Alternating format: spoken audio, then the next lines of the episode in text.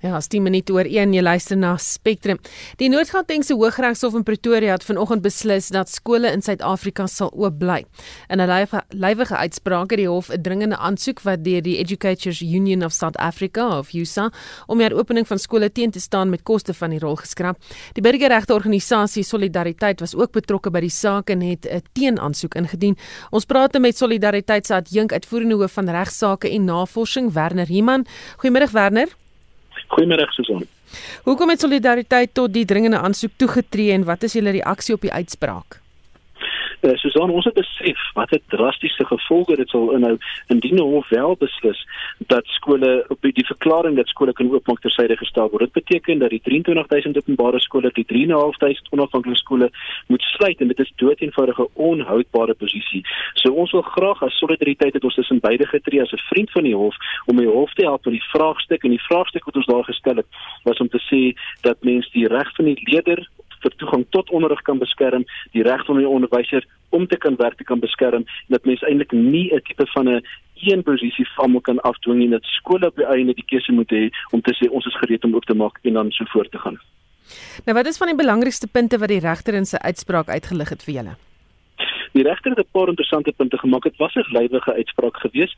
Die uh, stukke van die applikant was eintlik baie tegniese gebreke geweest. Daar was 'n kwessie geweest oor dringendheid. Die regter het gesê die saak is nie dringend nie terwyl die applikant aangevoer die saak is dringend. Daar was ook 'n kwessie geweest oor wanvoeging geweest en eintlik 'n algemene gebreke gebied van die aansoek.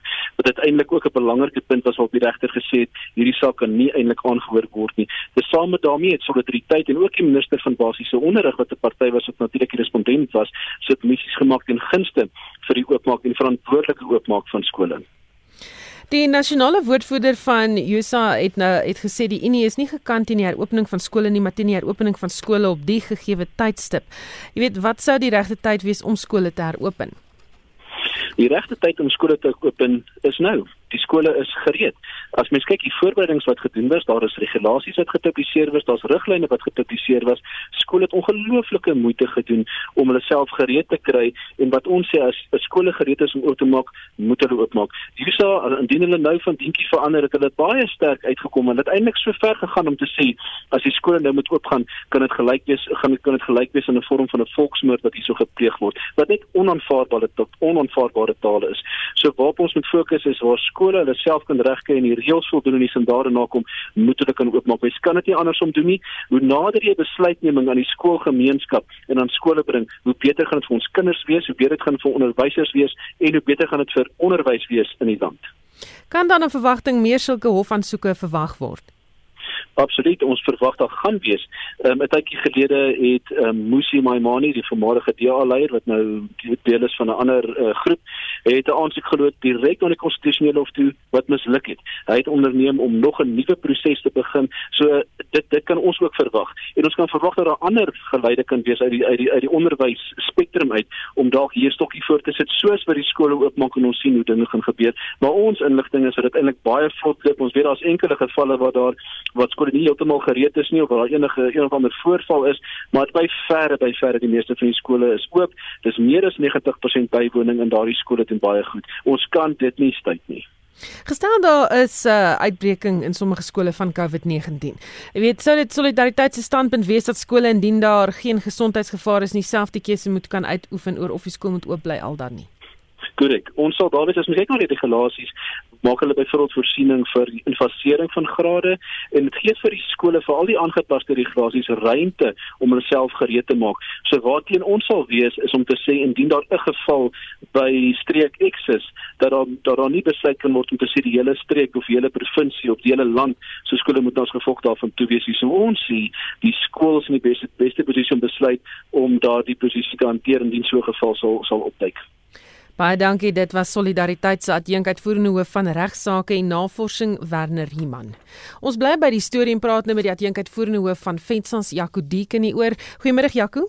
Middag Susan. Wat is jou reaksie op die uitspraak? Dit was redelik terwagte geweest uh alhoewel die regter nie eens die meriete van die saak ingegaan het nie. Dink ek uh, as die meriete geargumenteer sou word en die regter daarop uitspraak moes lewer is ek seker dat die aansoek ook sou misluk as gevolg van die klomp werk wat gedoen is en uh Ek in hierdie vakbond verteenwoordig nie die groot persentasie opvoeders in die stelsel nie en was verseker nie by al die gesprekke betrokke gewees of by ons as beheerliggaam organisasies betrokke was en die harde werk wat skole op voedselvlak gedoen het nie. Nou solidariteit nou mening uitgespreek dat skole dalk self die besluit moet kan uitoefen oor of dit veilig sal wees om skool oop te hou of nie. Wat is julle mening? Ja, ek vind die, die gewysigde regulasies of direktiewe soos dit nou lees, kan skole inderdaad aansoek bring uh indien hulle gereed is om vroeër grade ook oop te maak. Nou dit gaan uit die aard van die saak 'n baie verantwoordelike en verantwoordbare proses moet wees want um, die veiligheidsmaatreëls moet nog steeds in plek wees en die veiligheid en gesondheid van die personeel is kardinaal, maar dan ook ons wil graag hê dat die kinders nie agter moet raak nie en 'n stukkie normaal terugbring in die abnormale omstandighede. Maar dit gaan nou baie skoolspesifiek wees of het die skool die vermoë om daaraan te voldoen En wat is die akademiese plan byvoorbeeld om die 50 om die sosiale afstand te kan handhaaf? Uh en wat se roosterplanne in skole in plek kan kry? So ons is ten gunste daarvan, ons ondersteun dit en ek dink die meeste van die van die organisasies wat aktief binne in die sektor werk, wil ook in daardie rigting werk. Wat is van die uh probleme wat beheerliggame sedert die heropening van skole by julle aangemeld het? Ek dink die, die die eerste eerste 2 dae baie skole nog gesukkel met leerders wat openbare vervoer gebruik. Dat al die roetes is nie gediens nie of die leerders het gesukkel omdat daar nie die die voertuie nie op kapasiteit kan hardloop nie. So daar was paar plekke was daar leerders wat wat nie by die skool kon uitkom nie. En dan met die geweldige koue temperature, die temperatuur, die termometers het nie almal oral ewe goed gewerk nie. Was nie akkuraat genoeg gewees nie meetproses nie. En ons skole het maar planne gemaak om uh, meer as 1 metertjie te gebruik en een in die sak te hou dat daar nie so koud word dat hy nie wil meet nie. En ek dink dit gaan die volgende paar dae ek so na die weerkantore luister vir al die binneland gaan uh, lekker koue weer en nat weer gaan invloed hê. So ek dink dit gaan nog steeds 'n uitdaging bly. En uh, baie ouers dink ek ter wat finansiëel swaar trek Uh, die betaal van skoolgeld bly bekommernis vir baie skole maar ten minste as kinders terug is en begin leer hoop ons dat ouers wat kan betaal wel skoolgeld gaan betaal want ons klop onderwysers wat in hierdie sektor werk en baie hard gewerk het selfs tydens die tydperk van afsondering. Voorsien jy dat skole moontlik weer gesluit kan word indien daar meer uitbrekings van die koronavirus is? Ek dink dit is verseker 'n moontlikheid wat nie uitgesluit is nie en ek dink dis hoekom die invaseringstydperke 'n belangrike tydperk is. Daar waar areas op groter risiko geplaas is, dink ek gaan skole dalk meer waaksaam moet wees ek meen die leerders gaan terug in die gemeenskap um, en dit gaan nie net oor die siekte toestand van van siek leerders dalk nie maar die opvoeders en die personeel kan ook geaffekteer word. Want ek dink dit is belangrik dat as dit in 'n spesifieke omgewing of by 'n spesifieke skool is dat daardie prosesse by die skool in werking gestel gaan word en dat ou nie net blankoek skole totaal sluit omdat daar insidente by 'n skool was nie maar eerder ondersteuning gee in daai skool en gemeenskap ehm um, en eerder die uitsondering uh, mee te doen het as wat 'n basiese reël maak vir alle skole in die land of alle skole dan sluit. Hm.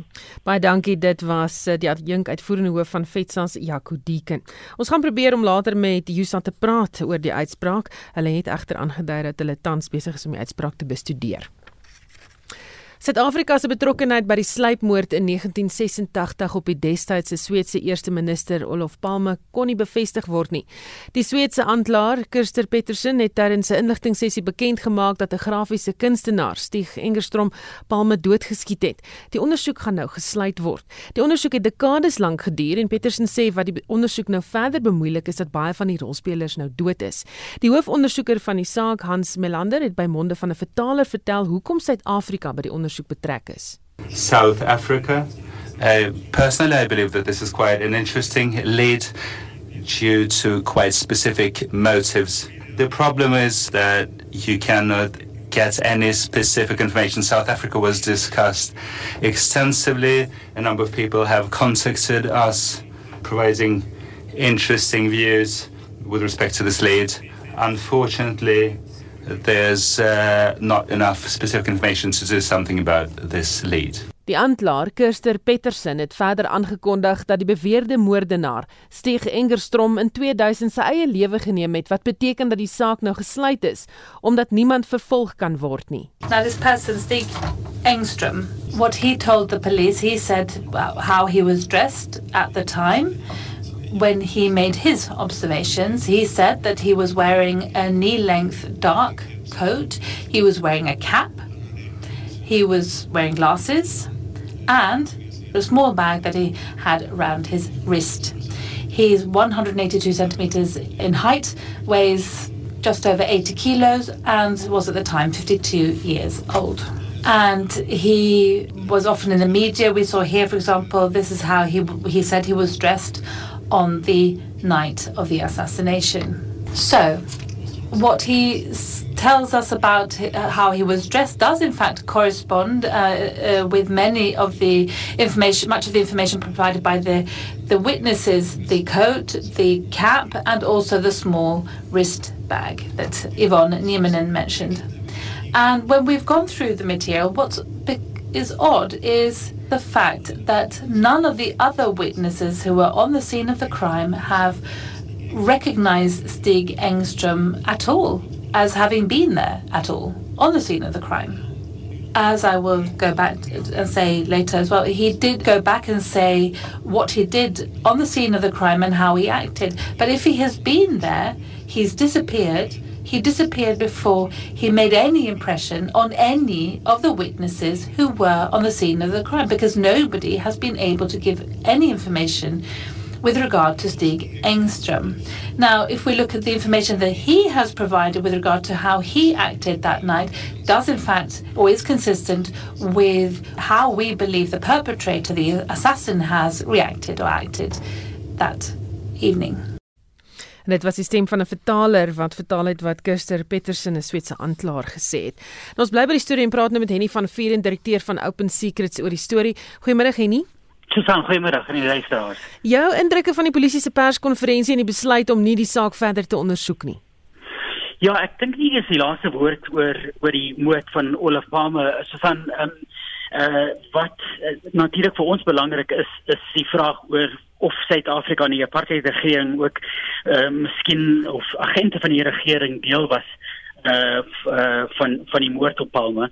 Um, en uh wat wat hulle vandag wat die polisie vandag uitgereik het is dat hulle glo dat daar 'n motief was dat Suid-Afrika betrokke was of die regering destyds die regering betrokke kon gewees het, maar hulle het nie meer inligting daaroor nie. Ehm um, hulle was glo soos ons weet in Suid-Afrika die polisie Switse uh, polisie in Maart maand hierdie jaar en het glo ook 'n leer van Suid-Afrikaanse militêre intelligensie bekom maar wat eintlik in daai leer steek of hulle daar regtig nuwe inligting gekry het, het hulle vandag uh het hulle vandag geen verdere inligting oor gegee nie. En ek dink daar bly vrae wat gestel moet word oor die uh, moontlike betrokkeheid van Suid-Afrika. Dit is natuurlik die die sanksieperiode, die belangrikheid van Palm as uh uh as uh, as 'n um, as a supporter of of of the ANC at that time um in uh hy was natuurlik ook 'n uh, groot bevoordele vir vir die vir die sanksie en die wapensanksies uh, op daai oomblik en dit was 'n belangrike tydperk in die in die oorlog in Angola op daai daai tydperk ook. Hmm. Um Henny, kom ons praat bietjie oor die die, die hele storie. Vertel vir ons wat het hmm. gebeur. Ja, so so Olaf Palme sover as wat ons weet was was op die, op pad terug van 'n van van uh hy het saam met sy vrou het hulle uit 'n film uitgestap wat wat hulle daai aangekyk in die straat van van Stockholm. Ek dink dit was net na 11 uur in die aand. Ehm um, en ehm um, hy is toe daai aand geskiet en sy sy vrou Lisbeth is ook gewond. Ehm um, die vraag wat ontstaan het is reg van die begin af of dan natuurlik ook Suid-Afrikaanse betrokkeheid in in die in die val in die geval was. Dit was nie net Suid-Afrikaanse betrokkeheid, daar was ook vrae oor miskien ook ander internasionale netwerke so die soos die Kurdiese Werkersparty die PKK wat op daai oomblik ook betrokke was by een of twee ander uh, moorde in in Swede. Ehm um, en eh uh, die dis soos hulle weer bevestig het is natuurlik net die jongste um, it's it's only the, the latest investigation into the murder of Olive Palmer. There have been numerous investigations. Thousands of people have been investigated. Thousands of pages of dockets have been connected, and, and even in Sweden, there's even a so-called uh, Palm syndrome that they speak about. People who become obsessed with this investigation. Um, in weer het is natuurlijk, zoals hulle vandaag bevestig het, een van die, uh, dit is uh, soortgelijk aan die JFK-moord uh, van, van John F. Kennedy, die die uh, die bomaanslag op die Locker in Lockerbie op die uh, Pan, uh, Pan Am vlug waar waar daar nog vrae ontstaan wie betrokke was daarin. Nee. Henny, uh, miskien moet jy dalk net vir ons so 'n bietjie na links of regs skuif. Dit wil vir my voorkom asof ons jou uh, sein verloor. Daar's jy nog daar? Ek is nog daar. Daar sê, goed, jy het gepraat oor die feit dat dit vergelyk word met die JF Kennedy saak. Ehm um, jy weet 'n saak wat nou al 30 jaar lank ondersoek word. Dis reg. So die, so die saak word al 30 jaar lank soos jy sê ondersoek. En soos wat wat ek gesê het, uh, Ja, ek vir my ons het daardie uh, sein weer verloor. Gaan kyk of ons hom kan terugskakel. Net vir hom nog 'n vraag of twee vrae oor en Suid-Afrika se betrokkeheid wat betref uh, die moord op uh, sluipmoord op Olof Palme waarvan daardie uh, bevindinge vandag bekend gemaak is. Intussen die tabakvereniging Vita betoog vandag in die Hooggeregshof in Pretoria dat die verbod op die verkoop van tabakprodukte opgehef word. Die vereniging verteenwoordig sewe tabakmaatskappye. Die hof het gister en vandag vir die saak op sy gesit. Die regering staan die aansoek teen en het aangedui dat hy gaan vra dat die saak uitgestel word. Ons verslaggewer in Pretoria, Lila Magnus, sê die hofverrigtinge bygewoon. Ons praat nou met haar. Goeiemiddag Lila. Goeiemiddag Susan. Wat het sover gebeur? Wel, vanoggend het Vita se regverteenwoordiger Arnold Sobel Vita se argumente aan die regters voorgelê. Dit se volbankregters wat na die saak luister en hy het basies gesê dat die regering se redes waarom hulle hierdie verbod op sigarette en tabakprodukte gesit het, is irrasioneel. Dis breed aan rokers wat toe nou weens die verbod deur onttrekking moes gegaan het wat 'n mediese probleem is waarvoor hulle mediese hulp nodig gehad het en dat dit glad nie sin maak nie en dat die minister van samewerkende regering en tradisionele sake in Kossazana Dlamini Zuma nie 'n kenner is op sigarette en wat die impak is van rokers wat die COVID-19 virus kry nie en daarom kan sy nie haarself ehm um, laat oor laat uitleen aan mense wat breëstellings maak en daarop haar verbod baseer nie. Hy was uit uit vreeslike goed gesê, hy het gesê die wêreldgesondheidsorganisasie se navorsing oor die impak wat die virus op rokers se longe het is vaag, dis nie spesifiek nie en dis nie wetenskaplik nie. En ek gesê die waardeketting in die tabakbedryf is glad nie in ag geneem nie. Daar is duisende mense wat ly weens hierdie verbod en dat hierdie ehm um, verbod die armstes van die armes benadeel omdat die mense wat nie bereid is om deur die onttrekking te gaan nie of nie daardeur kan gaan nie, nou hulle geld gebruik om sigarette te koop eerder as om kos te koop of om hulle hulle, hulle lewe so ehm um, hy het gesê dit nooit gebeur het. Produkte moet van die begin af 'n uh, essensiële produk gewees het omdat mense verslaaf is daaraan. En die regering se se aanname dat as hulle die sigarette wegvat mense sal ophou rook is is is heeltemal foutief want mense rook nog steeds. Wanneer dink jy gaan uitspraak gelewer word?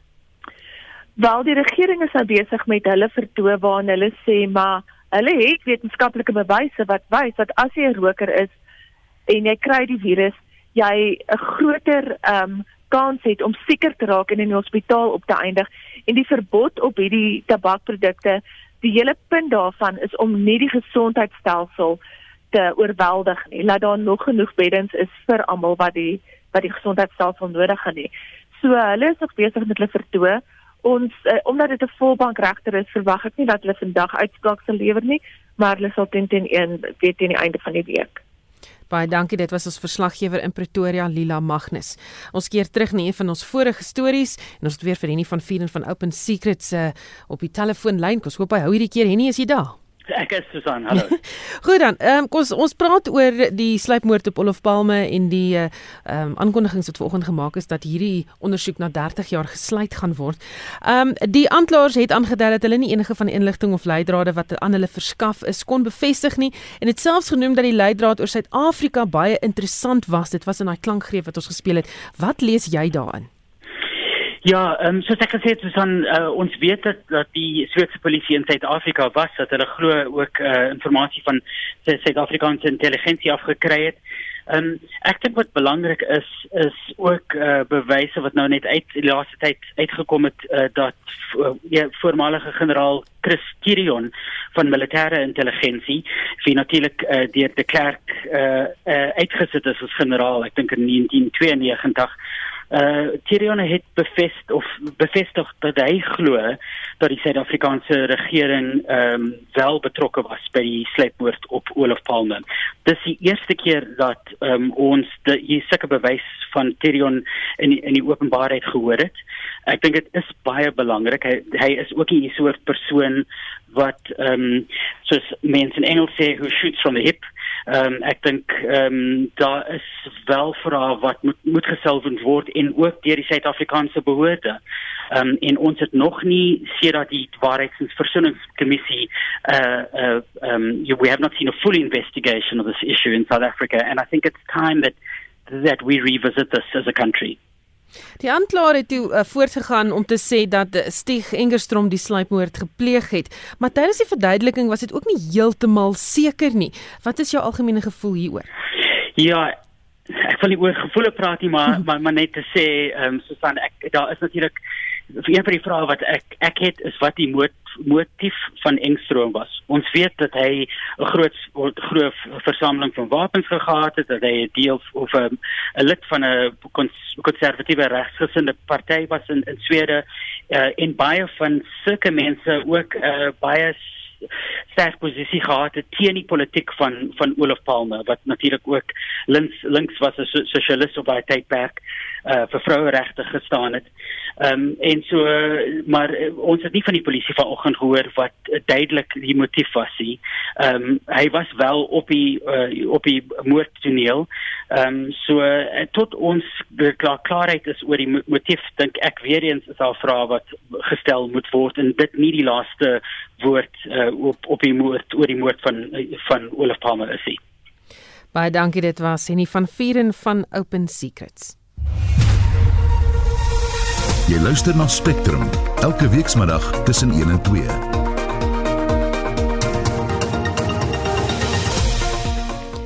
Nog in die nuus, die griemoord van 'n vrou in Rodepoort skok die gemeenskap.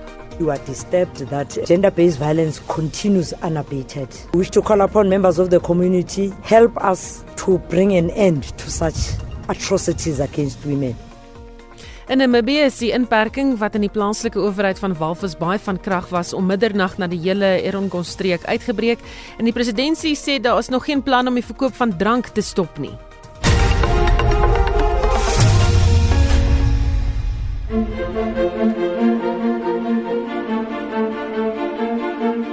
Die Grendeltyd het baie dinge stadiger en moeiliker gemaak.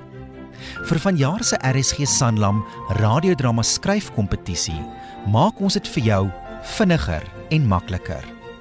Jy kan nou jou radiodrama per e-pos indien. Stuur net jou teks en inskryfvorm na radiodrama@rsg.co.za. Dit is radiodrama by rsg.co.za. Die sluitingsdatum is Vrydag 31 Julie. Die nuwe handleiding wat die inskryfvorm insluit, is op RSG se webblad by rsg.co.za onder wat gebeur.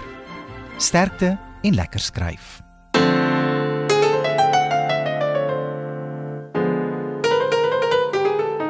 In vermiddag se episode van die Lingervelders, geskryf deur Marie Snyman.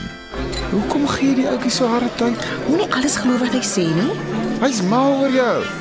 Ek sal enigiets gee om iemand soos hy in my lewe te hê. Dis waar ons twee heeltemal anders is, Boeta. Ek wil nie voel ek behoort aan iemand nie. Daar is geen verkeer. Die Weskaapse provinsiale verkeershoof Kenny Africa het laat weet dat die giere weer in die provinsie baie baie gevaarlik maak. Kom ons hoor wat hy sê. Ons ervaar tans ongure weeromstandighede in die Weskaap, veral in die Boland, Oeverberg, die Brede Riviervallei, die Weskus Ons het reeds 'n paar ongelukke gehad, 'n vragmotor wat op die uh, brug by die Teewaterskloof dam um, omgeslaan het en nog 'n vragmotor het op die N2 naby Orchard, dit is die ingang na Grabouw ook omgeslaan. Motoriste asseblief, die weer is onplesierig, daar's baie waterplasse op ons paaie. Ry asseblief versigtig. Pas julle spoed aan by omstandighede en moenie onnodige kansse vat om voertuie verby te gaan as jy nie seker is dis veilig om so te doen nie. Asseblief, wanneer jy agter vragmotors ry, maak seker dat dit 100% veilig is alvorens jy daardie vragmotor verbysteek veral in hierdie ongure weeromstandighede moet asseblief nie kanse vat nie. Die weer is werklik waar onplesierig en bly binne die spoedbeperkings en soos ek reeds genoem het, pas u spoed aan by omstandighede. Kom ons werk almal saam om in hierdie ongure weeromstandighede ongeluksvry te wees. En dit was die Wes-Kaapse provinsiale verkeershoof Kenny Africa. Dis nou 13:35 en die volgende berig kan sensitiewe luisteraars ontstel. Die Gautengse ALR gemeenskapsveiligheid 5 Masibuku sê dit is tyd dat die gemeenskap begin hande vat om geweld teen vroue en kinders te stop. Dit is in reaksie op die griemoord van Tsegofatse Pule in Roodepoort aan die Wesrand. Pule is in 'n boom opgehang en sy het steekwonde oor haar lyf gehad. Die 28-jarige polisie sou aan die begin van Julie geboorte geskenk het aan 'n dogtertjie. Verskeie mense het op sosiale media uitgevaar teen die misdaad en dring aan daarop dat die polisie die oortreder vastrek. Masibuku sê mans moet die erns van die mishandeling mishandeling van vroue en kinders besef voordat iets gaan verander. You are disturbed that gender based violence continues unabated. We wish to call upon members of the community help us to bring an end to such atrocities against women.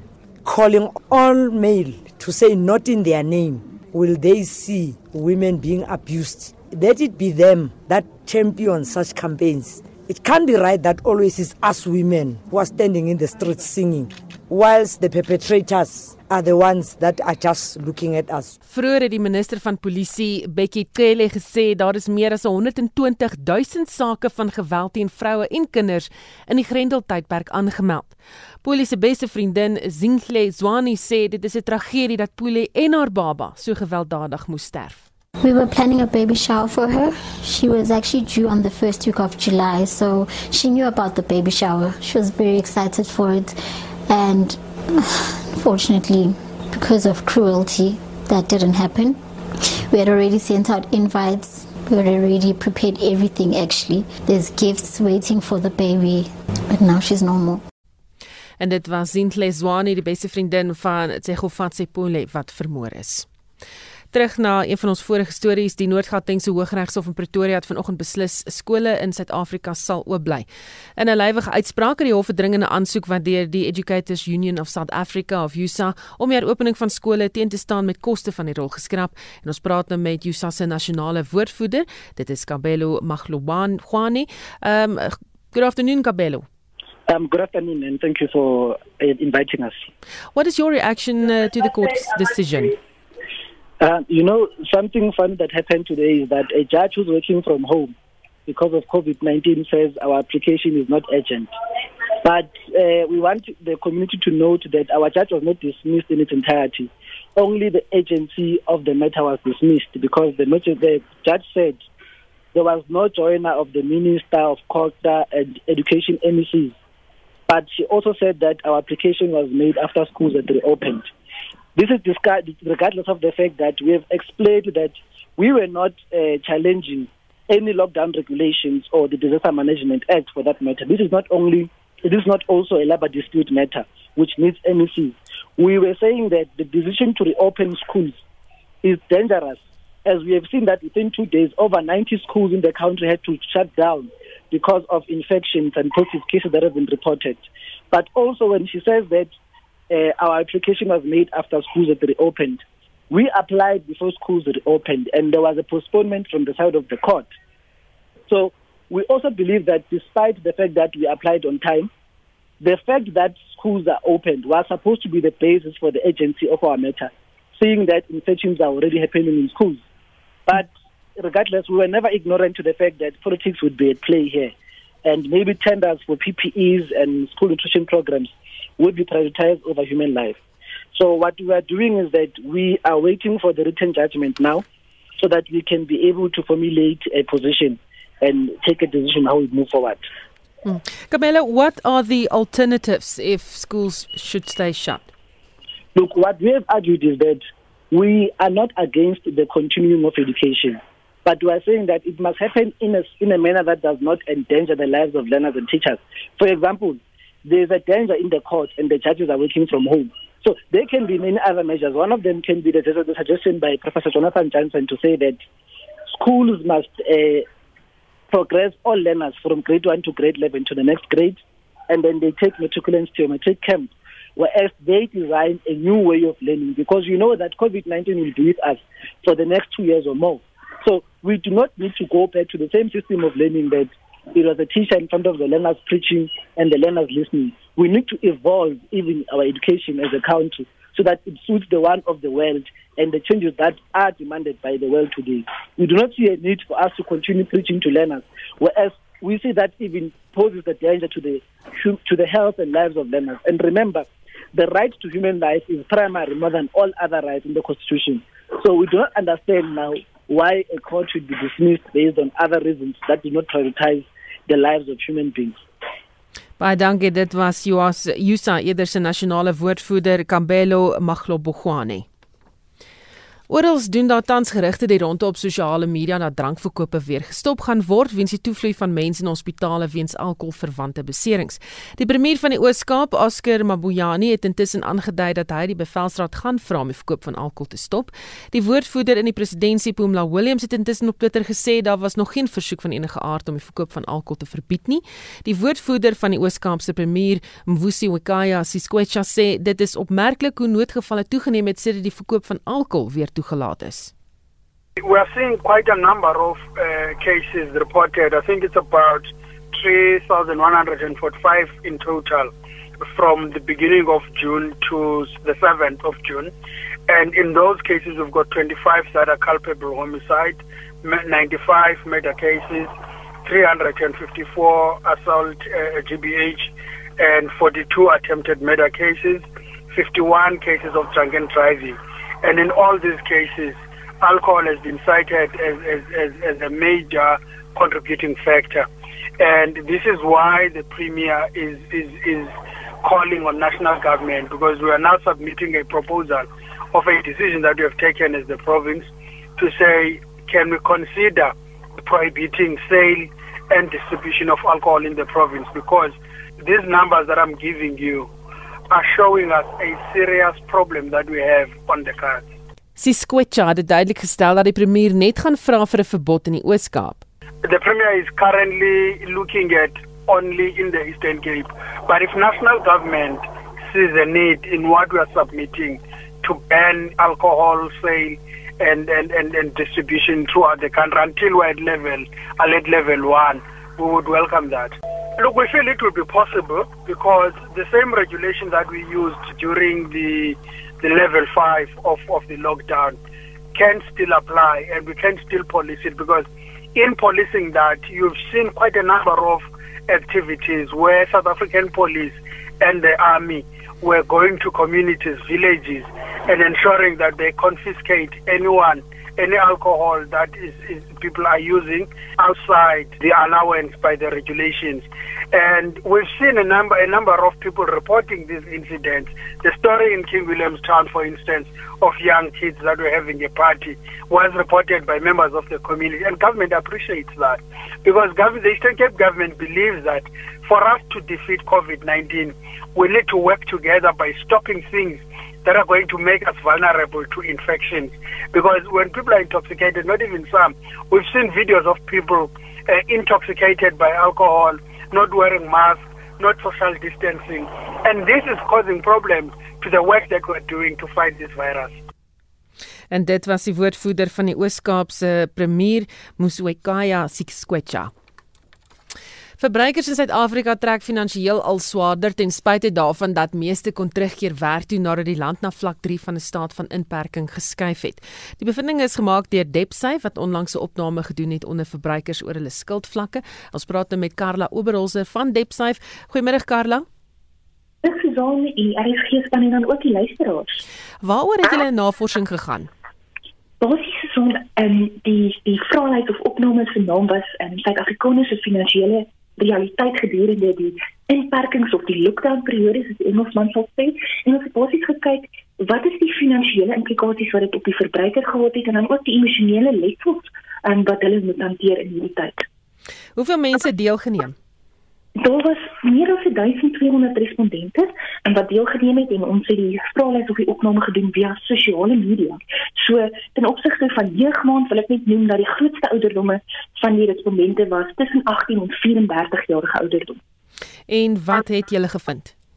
Maar wil eerstens net vir jou noem, Susan en ook vir die luisteraars dat die die meeste respondente gelees natuurlik in Gauteng en Weskaap en KwaZulu-Natal.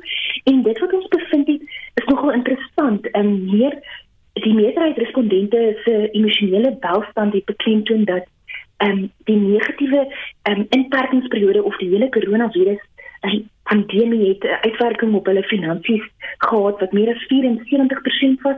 Hulle emosionele welstand het geraak, dit was meer as 53% en natuurlik hulle stresvlakke wat die hoogtes ingeskiet het in meer as 48%. En verbruikers beskryf hulle emosionele gemoedstoestand en die die vraelys was dan nou einde Mei gedoen wat nou nog in vlak 4 was was daai tyd en baie stresvol, hulle is gefrustreerd en hulle is angstig en hulle is depressief. En daar was daar 'n ander deel se son waarna ons gekyk het van die mense wat nog steeds hulle inkomste verdien wat gelukkig genoeg is of 'n vorm van hulle inkomste verdien.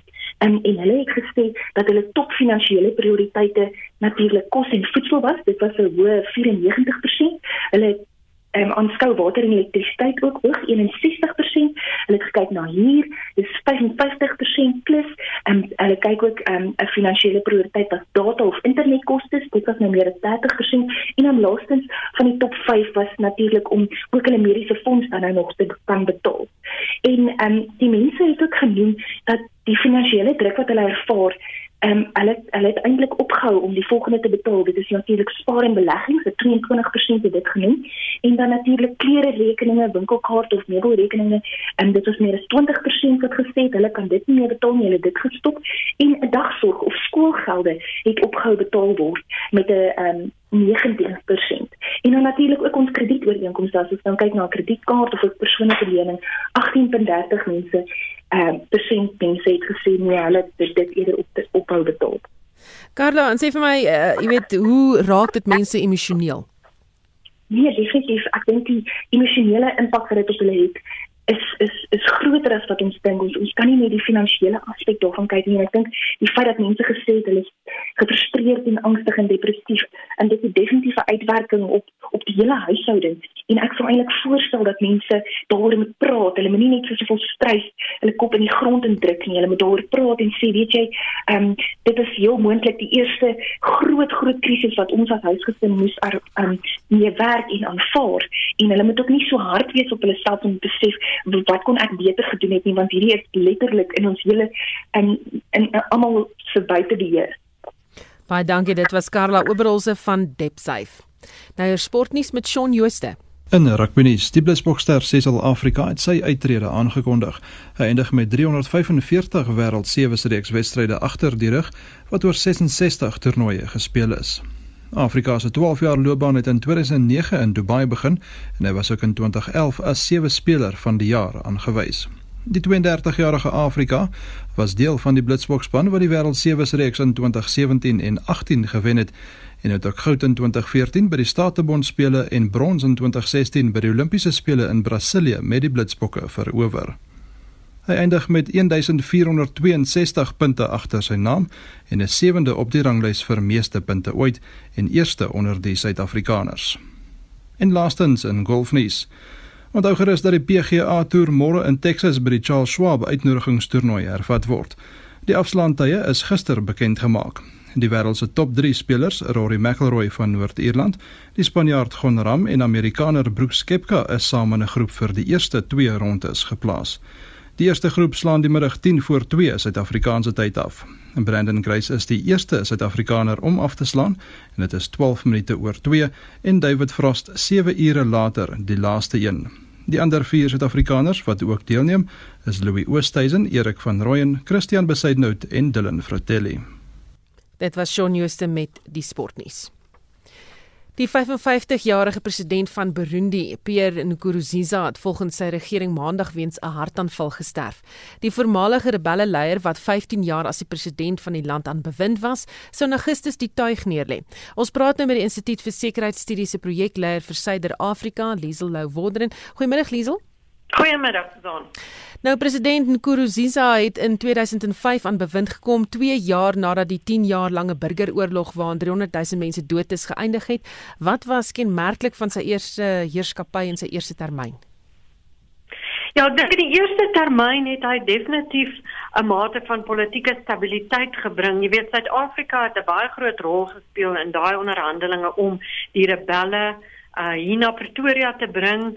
Um ek was self destyds 'n joernalis ek kan onthou president Thabo Mbeki, oud president Thabo Mbeki, bemiddel in Nkurunziza was self toe nog um by in die buitewyke van Bujumbura. Hy was 'n uh, uh, rebelle leier. Hy het toe ingekom uh het toe deelgeneem aan die vredesproses. Daar was Suid-Afrikaanse troepe wat daar in Burundi ontplooi is. So, um, hy het toe hy was deel van daai vredesproses.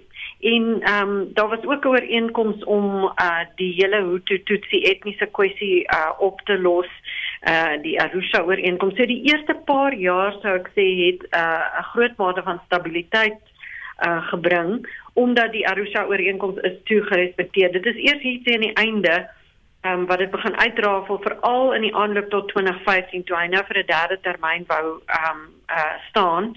Dit was 'n groot groot protes baie um, politieke onderdrukking. Um, baie mense is dood, omtrent 300 000 mense is uit die land uit. So die eerste die eerste ruk kan ons mens sê het goed gegaan. Nou het homself daarop geroem dat daar onder sy leierskap vrede in Burundi was, maar sy regering het ook onder skerp kritiek van menseregte skendings deurgeloop. Vertel ons daarvan. Ja, definitief. Ek meen om te sê dat daar was vrede in Burundi is regtig waar nie die waarheid nie, omdat soos ek sê, sedert 2015 is daar regtig 'n jag gemaak op enige iemand wat durf die regering kritiseer.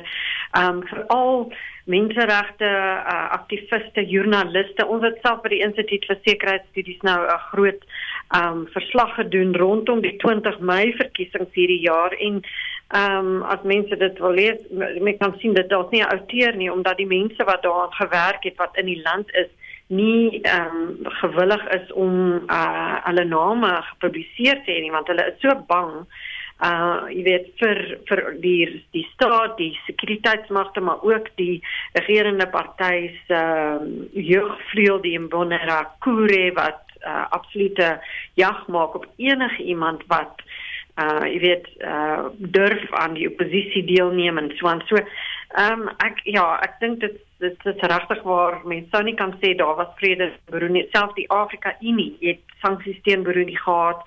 Ehm um, hierdie verkiesings op die 20ste Mei byvoorbeeld was daar geen AI waarnemings nie. Okay weens COVID-19 uh het het hulle die die paar waarnemings wat hulle sou toelaat van Oos-Afrika hulle nie toegelaat nie maar nog steeds Ehm um, jy weet as die as 'n mens die AI teen jou het, dan moet jy weet hy gaan baie sleg in Afrika. Wat is sy nalatenskap? Ek dink dit is 'n dit is 'n gemengde prentjie. Ehm um, soos ek sê van aanvanklik het hy ehm um, baie sien gehad as 'n uh, rebelle leier wat die tuis neergelê het wat ehm um, die land regeer het relatief vreedsaam, maar ek dink die laaste paar jaar het definitief sy nalatenskap baie negatief beïnvloed en dat hy veral selfs ek meen hierdie laaste paar maande die manier hoe hy COVID-19 hanteer het in Burundi was ook heeltemal um, 'n ontkenning van die situasie Uh jy weet ons het gesien die stemmery en tydens die verkiesing was daar maar bitter min voorsorg getref om die waarheid te sê die die meeste spekulasies sê dat Kurunziza self uh, goed uit van hartversaking omgekom het dat hy COVID-19 opgedoen het omdat sy vrou ehm um, uh, was is glo positief getoets vir COVID-19 so jy weet ehm um, hy basies uh gesê maar ehm um, weet hulle hulle hoef nie uh, voorsorg te tref nie. Ehm um, hy was hy, hy die laaste tyd baie so van charismaties uh ag het geloof aangehang en so aan. So ek dink ehm um, mense sal nou wel sê uh, positiewe dinge sê. Dit is so hy's nou ehm um, hy't nou gesterf maar ehm um, as jy mens terugkyk was vir al die laaste uh, paar jaar van Gurunziza so vir menregte bewindregtig uh, problematies. Baie dankie. Dit was uh die projekleier vir Suider-Afrika um, van die Instituut vir Sekuriteitsstudies, Liesel Lou Wordering.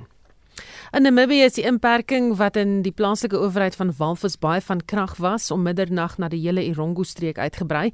Dit sluit onder meer die kusdorpe Swakopmund en Henties Bay in en ook dorpe soos Usakos en Omaruru. Frikkie Wallis het die volgende verslag gestuur. President Hagi Geingob het gistermiddag gesê die inperking sal voorlopig tot om middernag op 22 Junie van krag wees en genootsaak is deurdat altesaam 8 van die 31 gevalle wat reeds in Namibië aangemeld is in die Irongo streek voorgekom het. 16 het intussen herstel. Geingob het ook opdrag gegee dat huise vir bejaardes in Irongo in kwarantyne geplaas word en dat alle personeel wat in die huise werksaam is van beskermende klere drag voorsien moet word. Twee van die jongste gevalle is 'n 27-jarige Namibiese student en 'n 50-jarige Namibiese vrou wat uit Indië via die OR Tambo lughawe teruggekeer het. Hulle het Namibië saam met 'n groep van 9 per bus by die Ariums vluggrenspos die land binnegekom. Op Swakopmund is vier leerders van die Swakopmund sekondêre skool gister vir COVID-19 getoets nadat hulle griepsimptome getoon het. In 'n gesamentlike verklaring van die ministeries van Gesondheid en Onderwys word gesê dat die seuns in die Namib High koshuis in isolasie geplaas is en dat laboratoriumuitslae vandag verwag word. Die hoof van gemeenskapspolisieering in die Rongo, inspekteur Eleni Shapumba, het vanoggend 'n beroep gedoen op inwoners en veral van inwoners op om hulle te vergewis van die COVID-19 maatreëls wat nou weer geld. Yesterday we observed unnecessary movement of the people in Walvisbaai. And this has been happening all along. People tried to run away from Walvisbaai.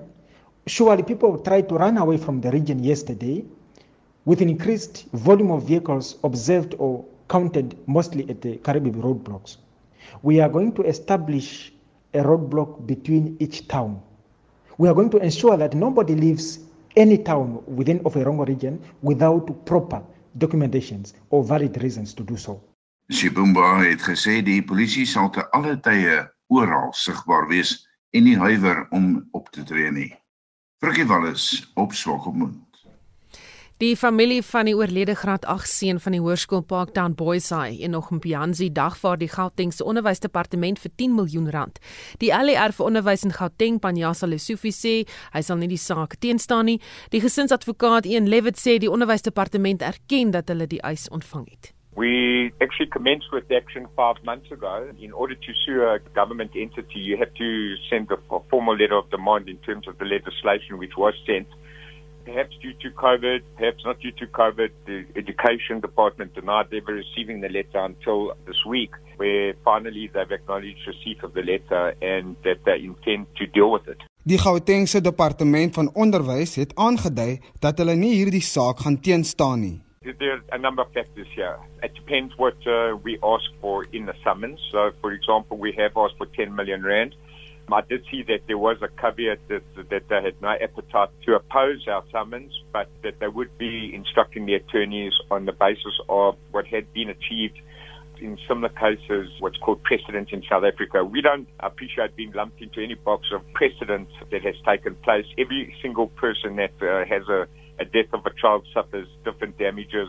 There's also now the issue of constitutional damages, which is developing in our law, and we hope to push a claim with constitutional damages as well. We also have instituted criminal proceedings against those who we found to be criminally negligent and waiting a decision from the National Department of Public Prosecution. Levitt sê hulle sal dan ook die Nyati Bush Lodge dagvaar. Uh, without a doubt. In fact, part of the report, they did uh, initially undertake to cooperate with the department's own investigation into the death of Inakum Pianzi. They did not revert and they did not cooperate in any way. Uh, we're not surprised that they didn't do that because the people who are liable don't exactly come forward and their participation. Dit was die gesinsadvokaat van die Pianzi familie, Ian Levitt. Die departement van onderwys is vir kommentaar gevra, maar het nog nie kommentaar oor die saak gelewer nie. Vincent Mofokeng, SAICanis. Nou ons groet namens ons waarnemende uitvoerende regisseur Hendrik Martin, die redakteur Justin Kennerly en produksieregisseur Frik Wallis. Ek is Susan Paxton. Geniet jou middag.